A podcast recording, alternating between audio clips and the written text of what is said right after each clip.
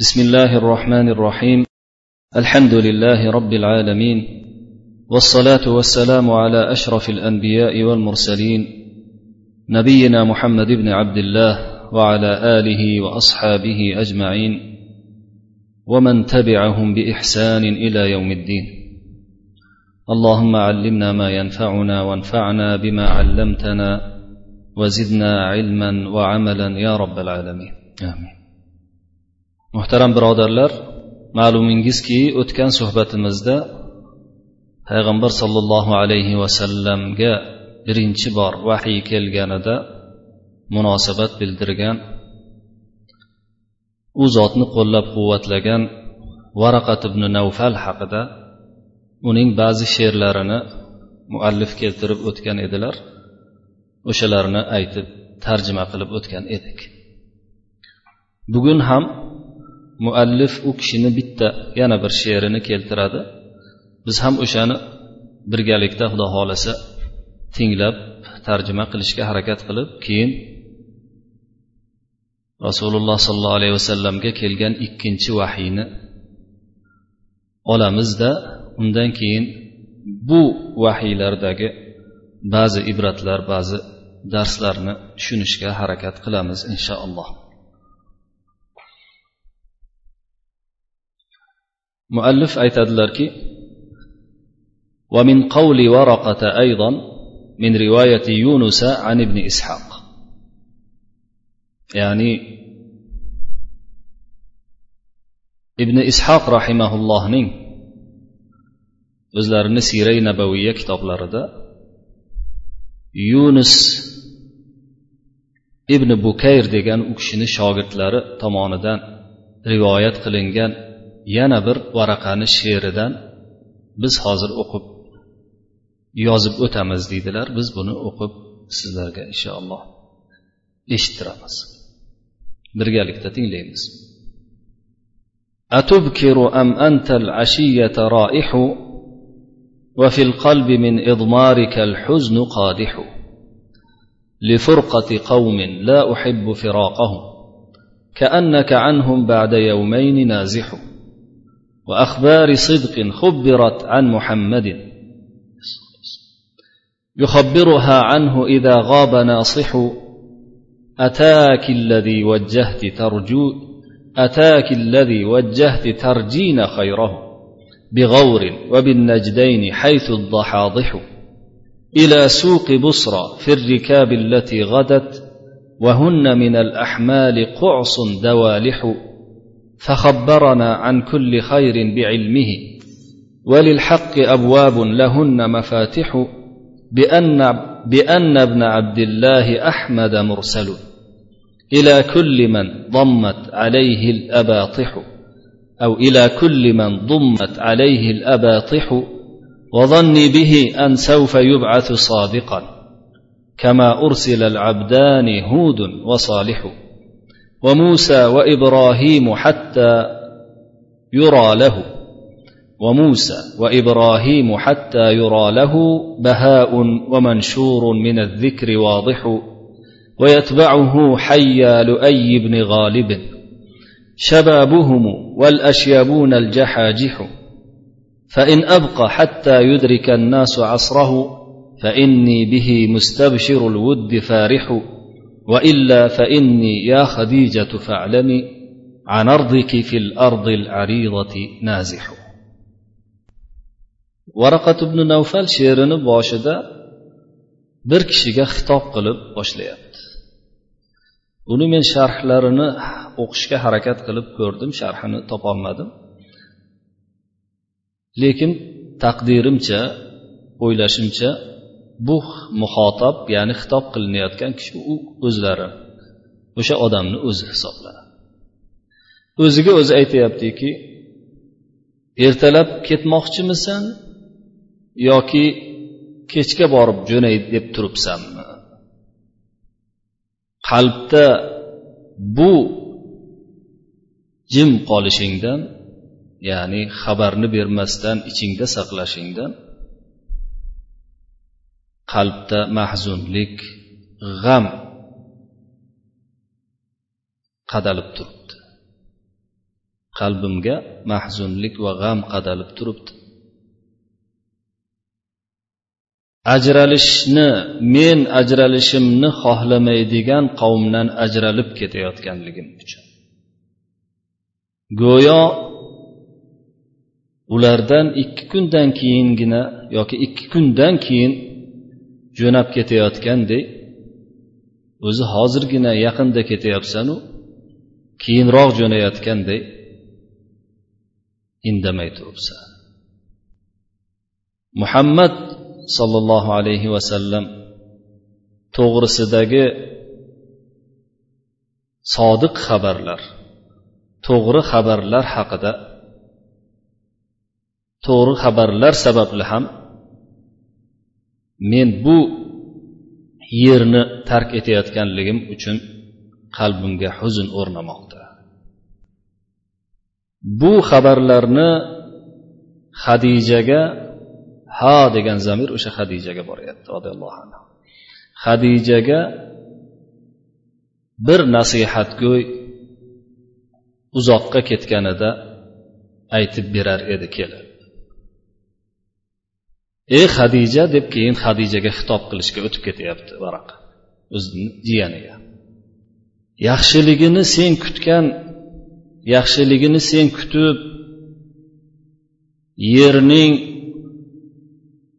chuqurlariyu balandlarida u zahozih degan joylarda sen umid bilan kutgan odamingni xabari keldi. Sen uni bir karvon bilan busro bozoriga jo'natgan edi. G'avr deb yerni chuqur joylashgan joylarini aytishadi. Najdayn deb bu yerda o'sha baland joylar demoqchi bo'lyapti.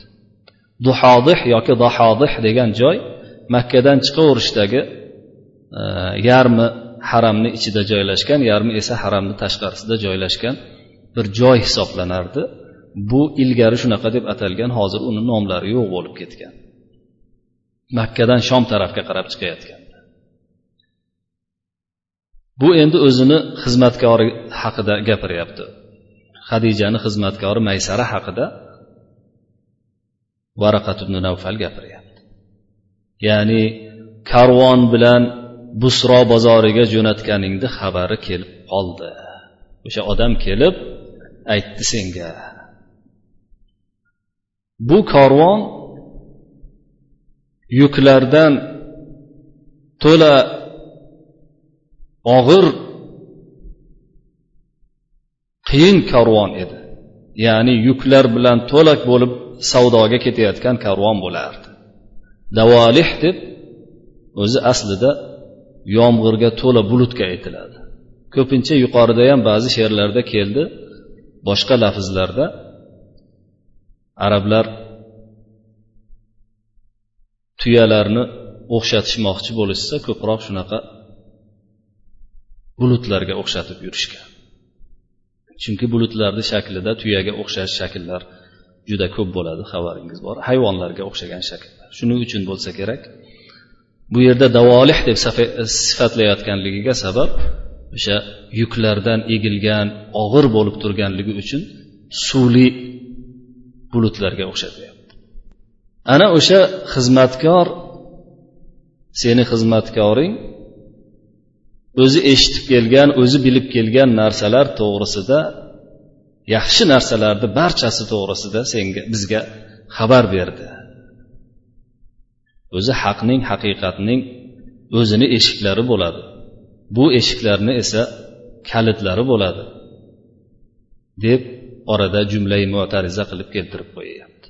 Ya'ni haqiqatning o'zining eshiklari uning kalitlari bo'ladi. Ya'ni haqiqatni aniqlashtirib beruvchi uning o'zini dalillari belgilari bo'ladi. Mana shu orqali biz bilib oldik uni e, xabarini to'g'ri ekanligini. U qanday xabar bergan edi? Ibn abdulloh bo'lgan ahmad ya'ni muhammad sallallohu alayhi vasallam barcha yer yuzidagi odamlarga elchi bo'lib elchi bo'lib kelayotganligini xabarini bergan edi.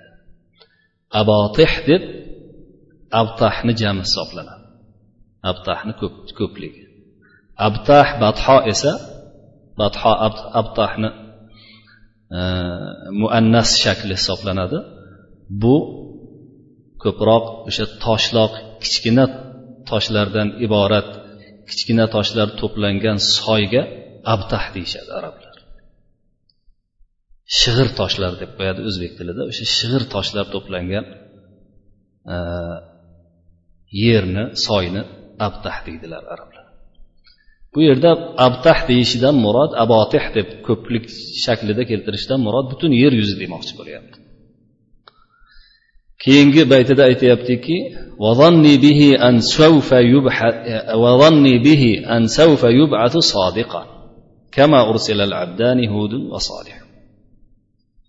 ilgargi ikki banda hud bilan solih alayhissalom yuborilganidek bu kishi ham sodiq bo'lib payg'ambar bo'lib yaqinda yuborilishini gumon qilib turibman deyapti.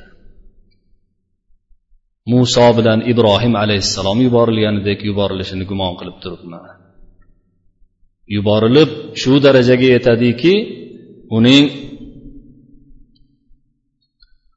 uning juda nurli va ravshan bo'lgan har tomonga yoyilgan har tomonga yoyilgan nuri ko'riladi luay ibn g'olib luay ibn g'olibning ikkita qabilasi ham unga ergashib ketadi ya'ni quraysh bilan kinona bilan huzoa qabilalari buni ichiga quraysh ham boshqa qabilalar ham kirib ketadi ularning yoshlari ham hamda ulug' qarilari ham ergashishadi jahojih deb jahjohunni ko'pligi hisoblanadi jahjoh sayyid degan ulug' degan فإن أبقى حتى يدرك الناس عصره agar odamlar u kishini zamonini zamoniga yetguncha u kishini kelganiga kelishlarini idrok etguncha ya'ni zamoniga to'g'ri kelguncha men ham qoladigan bo'lsam bu bilan men nihoyatda xursand bo'laman. Nihoyatda ichim ochiq holda qabul qilaman. Yo'qsa ey hadija bilginki men seni yeringdan keng yerlarga keng yerga chiqib ketaman deb she'rini tugatadi. Rahimaulloh muallif buni naql qilganidan keyin rasululloh sollallohu alayhi vasallamga o'sha vahiy to'xtab qolgandan keyingi ikkinchi vahiyni qisqagina aytib o'tadi. Aytadiki وفي الصحيح قال ابن شهاب وأخبرني أبو سلمة بن أبو سلمة بن عبد الرحمن أن جابر بن عبد الله الأنصاري قال وهو يحدث عن فترة الوحي قال في حديثه بينما أنا أمشي إذ سمعت صوتا من السماء فرفعت بصري. فإذا الملك الذي جاءني بحراء جالس على كرسي بين السماء والأرض فرعبت منه فرجعت إلى أهلي فقلت دثروني دثروني. فأنزل الله تعالى يا أيها المدثر قم فأنذر. إلى قوله والرجز فاهجر. فحمي الوحي وتتابع. Muallif aytadiki sahihda kelishicha deydilar. Sahihda deyishlaridan murod imom buxoriy va imom muslimni kitoblari. Va fi sahihayni demoqchilar. Bu yerda sahihda deb aytishlaridan murod o'sha muslimni sahihlaridagi rivoyatni keltirganliklari uchun o'shanga ishora qilayotgan bo'lishlari ham mumkin. O'zi aslida bu hadis ikki sahihda ham kelgan. Ibn shihob az zuhriy aytdilarki muhammad ibn shihob muhammad ibn muslim ibn shihob zuhriy ma'lumingiz aytgan aytib o'tilgan edi yigirma bir yuz yigirma to'rtinchi yili vafot qilgan allomalardan hisoblanadilar. U kishi aytyaptilarki menga abu salama ibn abdurahmon xabar berdilar. Abu salama ibn abdurahmon ibn avf roziyallohu anhu ya'ni abdurahmon abdurahmon ibn avfni o'g'illari. Bu kishi ham tobeinlarni ulamolaridan hisoblanadilar. Shu kishi menga xabar berdiki jobir ibn abdulloh il ansoriy u kishiga aytgan ekan. Vahiy to'g'risida vahiyni to'xtab qolganligi to'g'risida gapirayotib aytdilarki jobir ibn abdulloh deydilar abu salama qola fi hadithi ya'ni rasululloh sollallohu alayhi vasallam fatratul vahiy vahiyni to'xtab qolishi to'g'risida gapirayotib shunday dedilar rasululloh. Men yurib ketar ekanman osmondan bir qattiq ovozni eshitdim yuzim boshimni shunday ko'zimni yuqoriga ko'tarib qaradim. Qarasam xiroda kelgan farishta bir kursini ustida osmon bilan yerni o'rtasida orasida o'tirgan ekan. Juda qattiq qo'rqib ketdi da uyga qarab qaytdi. Kelib meni qoplanglar qoplanglar deb takrorladi. Bu yerda aytmayapti ya'ni qoplab qo'yishganidan keyin yotganimda alloh subhanava taolo ushbu oyatlarni nozil qildi. Ey o'ranib o'tiruvchi kishi muddassir degani ko'rpaga o'ranib olgan kishi yoki ustiga bir narsani yopib olgan kishi. Qum faanti. Turgin ogohlantirgin. Mana shu oyat bilan rasululloh sollallohu alayhi vasallam ummatlarga butun bashariyatga o'zlariga kelgan vahiyni da'vat qilishga ma'mur bo'ldilar buyurildilar. Qum faanzir va robbaka fakabbir. Robbingizni ulug'lang. Tur ogohlantir robbingni ulug'la. Va siyabaka fatahhir kiyimingni pok tut. Bunda ulamolarni ixtilofi bor. Hozir aytib o'tirmaymiz. Kiyimdan murod nima ekanligi to'g'risida. Ikki tomonga ham ketaveradi deydi ba'zi e, ko'pchilik ulamolar. Ya'ni ma'naviy pokizalikka birinchi navbatda moddiy pokizalikka ham da'vat bo'layapti bu yerda buyruq bo'layapti. Fahjur. Rujizdan murod bu yerda shirk. Butlar butlardan uzoq bo'ling butlarni hajr qiling tashlang. Ularga yaqinlasha ko'rmang.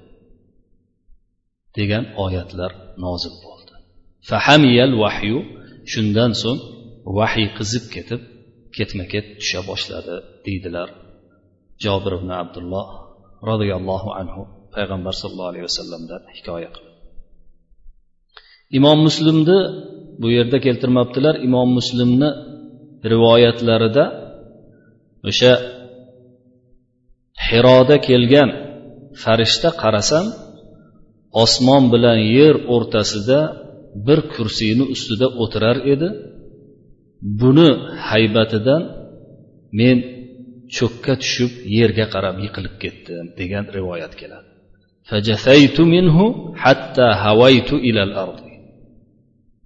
Jasa deb tizzasi bilan yerga o'tirib qolgan odamni aytadi. Tizzam bilan yerga shunday munkib ketib yerga qarab yiqilib ketdi. Ya'ni bu farishtani haybatidan farishtani o'tirgan joyini ko'rib juda qo'rqib ketdilar. Shu yerda endi o'tgan suhbatimizdagi birinchi vahiy bilan mana shu ikkinchi vahiydagi kelgan ba'zi bir ibratlarni o'zimizga kerakli bo'lgan darslarni olib olsak foydadan inshaalloh xoli bo'lmaydi. Ma'lumki payg'ambar sollallohu alayhi vasallam yuqorida birinchi vahiyni aytib o'tganda hikoya qilib o'tildi. Rasululloh sollallohu alayhi vasallam vahiydan ilgari ibodatga moyil bo'ldilar ibodatga sho'ng'ib ketdilar. Bu payg'ambar sollallohu alayhi vasallamni ibodatga sho'ng'ib ketishlarida musulmon odam uchun islom da'vatchisi uchun juda katta bir dars bor. Toki alloh subhanahu va taologa bog'liqlikni ibodatni mustahkam qilib bu bilan nafs nafsi ammorani har xil shahvatlari nafsi ammorani har xil qo'zg'aydigan narsalariga qarshi tura oladigan darajada o'zida bir fond hosil qilish kerak. Hozirgi til bilan aytadigan bo'lsak o'zida bir shunga qarshi tura oladigan bir e, nima deydi? Man qila oladigan o'sha narsani qaytara oladigan bir devor hosil qilishi kerak. Hayotni o'ziga tortadigan narsalaridan aldanib qolmaydigan darajada da'vat mashaqqatlarini muammolarini ko'tara oladigan darajada odamlarni tarbiya qilishga ularni yuzlantirishga ulardan sodir bo'ladigan turli xil aziyatlarni ko'tara olishga qudrati yetadigan darajada o'zida bir qalqon hosil qilib olish uchun ibodatga berilish bu payg'ambar sollallohu alayhi vasallamni birinchi sunnatlaridan hamda muhim sunnatlaridan hisoblanadi. Payg'ambar sollallohu alayhi vasallamga bu vahiy kelishi bilan yana bir hali keladi. Yana bir nozil bo'lgan muhim oyat o'sha muzzammil oyati hisoblanadi. Muzzammil surasini boshi hisoblanadi. Ya ayyuhal muzzammil qumil layla illa qalila. O'sha paytda rasululloh sollallohu alayhi vasallamga bu buyruq bo'lib farz bo'lgan edi. Ey o'ranib yotgan kishi butun kechasi turib namoz o'qing. Illa qalilan magaram ozgina istisnosi bilan dam olib olsangiz bo'ladi. Ya'ni kechani ko'pini siz namozda o'tkazing. Nisfahu yarmini avin minhu qalila yoki undan ko'ra ozrog'ini dam olib o'tkazing. Avzid alayhi yoki undan ko'ra ko'prog'ini. Varattilil qur'ana tartila. Qur'onni tartil bilan xushu bilan joyiga keltirib o'qi. Nima uchun? Inna sanulqi alayka qawlan thaqila. Biz sizga judayam og'ir bir gapni yelkangizga tashlamoqchimiz. Da'vat ishi da'vat gapi da'vat qilish kerak bo'lgan narsalar yengil narsalar emas. Shuning uchun alloh subhanava taolo payg'ambariga mana shunday xitob qildi. Bunda u kishini o'zlariga payrav qilgan u kishini o'zlariga muqtado qilgan u zotni o'zlariga muallim deb bilgan kishilar uchun eng katta ibrat dars bor. Kishi payg'ambar sollallohu alayhi vasallamga ergashaman deb davo qilibdimi? Rasululloh sollallohu alayhi vasallamga ergashishni o'zida ko'ngli er, ergashishni o'z ko'nglida ko'ngliga tugib qo'yibdimi? Rasululloh sollallohu alayhi vasallam chekkan aziyatlardan ozginasini bo'lsa ham boshiga kelishini rasululloh sollallohu alayhi vasallam qilgan ibodatlardan hech bo'lmasa ozginasini o'z boshidan kechirishini o'tkazish kerak o'zidan boshidan kechirishi kerak bo'ladi. Shuning uchun alloh subhanava taolo boshqa bir oyatda mo'minlarni o'ziga xitoban ham shunga buyuradi. Aytadiki vastainu bisobri sabri vassala ya'ni ishlarda sabr bilan hamda namoz bilan yordamlaninglar. Alloh subhanahu va taolo tarafidan kelgan payg'ambariga ibodat qilishga buyurgan zikr qilishga buyurgan oyatlarni sanab adog'iga yetib bo'lmaydi. Shuning uchun yuqoridagi nimalar menimcha kifoya qilsa kerak. Keyin yana bir nuqta. Payg'ambar sollallohu alayhi vasallam vahiy kelishidan oldin odamlardan uzlat qildilar. Odamlardan xilvatda bo'ldilar. Mana shunday xilvat ham gohida da'vatchi kishi uchun gohida kerak bo'lib qoladi. Bu degani butunlay xilvatga chiqib olish degani emas. Payg'ambar sallallohu alayhi vasallam vahiydan oldingina chiqdilar xilvatga. Lekin vahiydan keyin esa to umrlarini oxirigacha biron kun biron soat odamlardan uzilmadilar. Xuddi shunday u kishini ummatlari ham da'vatga chiqishdan oldin o'zlarini odamlarga da'vat qilishga odamlarga ba'zi bir islomiy odoblarni islom shiorlarini o'rgatishga qasd qilar ekan o'rgatishga urinar ekan shunaqa narsani boshidan kechirib olgani sunnat hisoblanadi boshidan kechirib olishi. Ya'ni ibodatga mashg'ul bo'lib qalbni hozirlab dunyoviy bog'liqlardan dunyoga bo'ladigan chirmashgan narsalardan qalbni butunlay xoli qilib nafsga qaytib nafs ustidan hukmron bo'lib buni qattiq muhosaba qilib alloh subhanahu va taoloni maxluqotlari to'g'risida juda chuqur tafakkurga borib barcha fikrini butun kulliyasini hamma tarafini alloh subhanahu va taolo uchun bog'lab butun g'amu tashvishni alloh subhanahu va taoloni ibodatiga burib qilsa ana undan keyin zehni sof bo'lib musulmon kishiga to'g'ri fikrlash ishlarni to'g'ri nozik ishlarni ham to'g'ri taqdirlay ola bilish hayotdagi turli xil o'zgarishlarda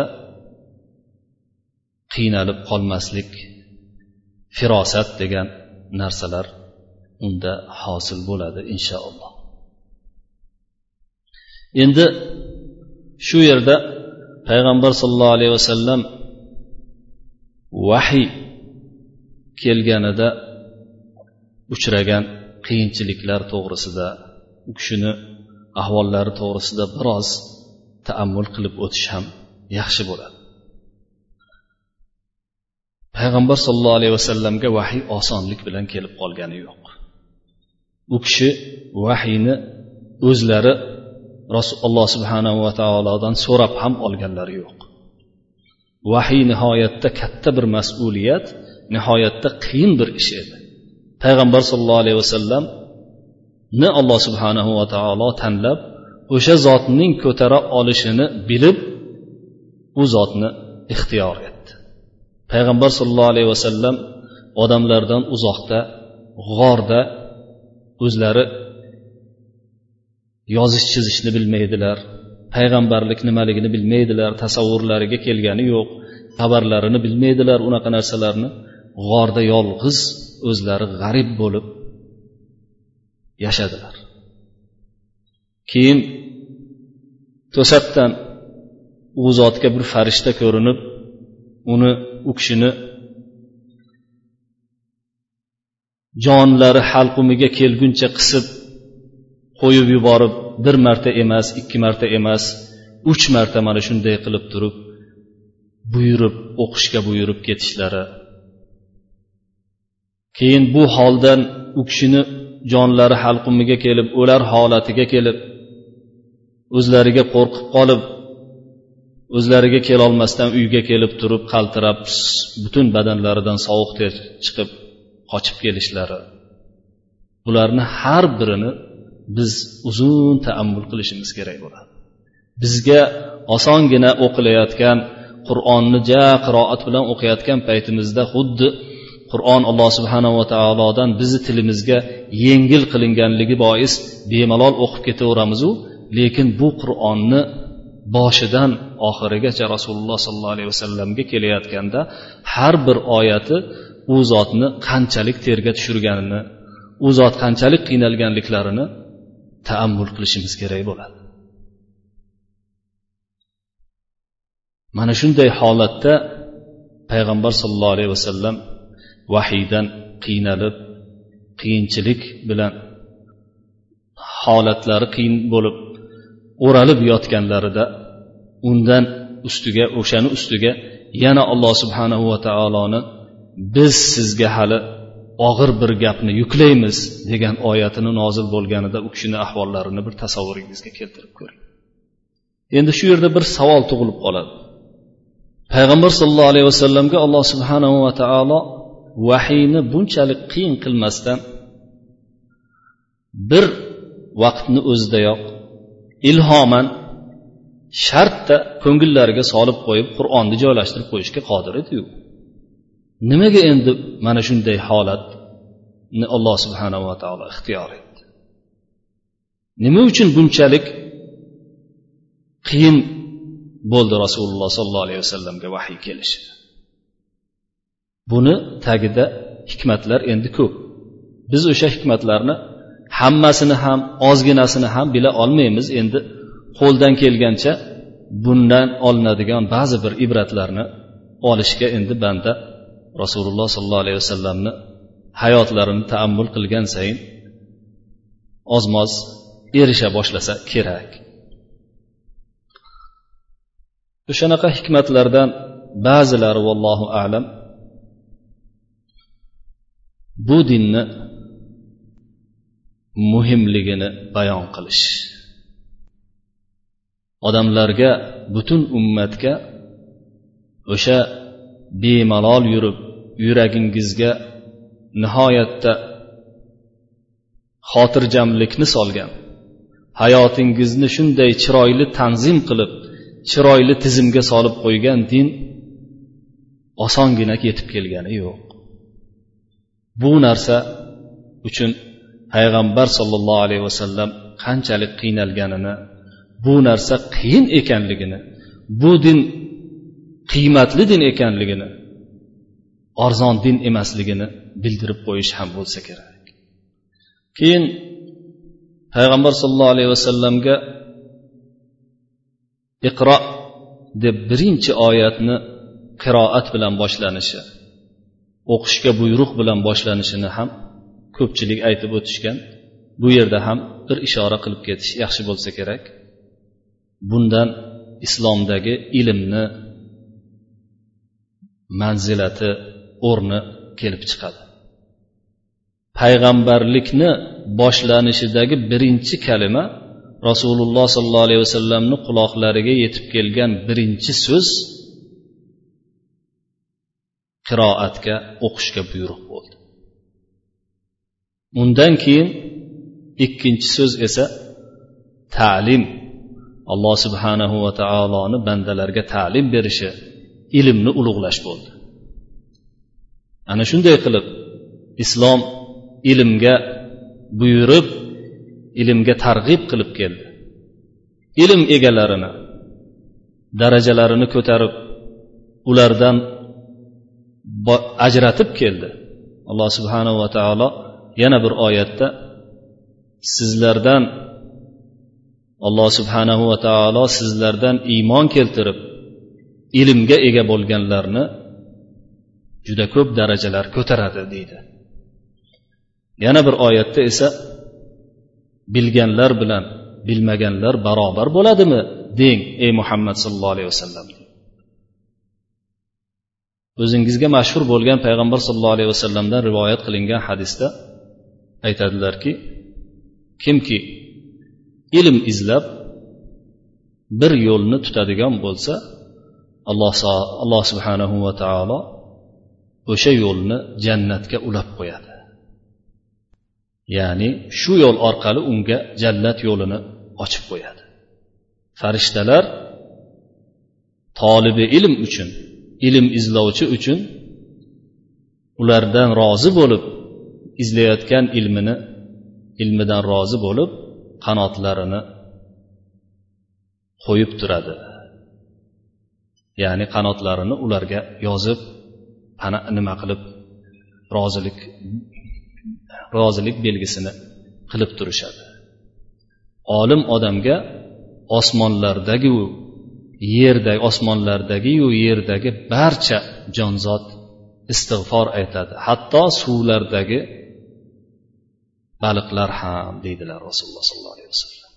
Keyin payg'ambar sollallohu alayhi vasallamga qiyin holatda hadija onamizning yuqorida aytib o'tganimiz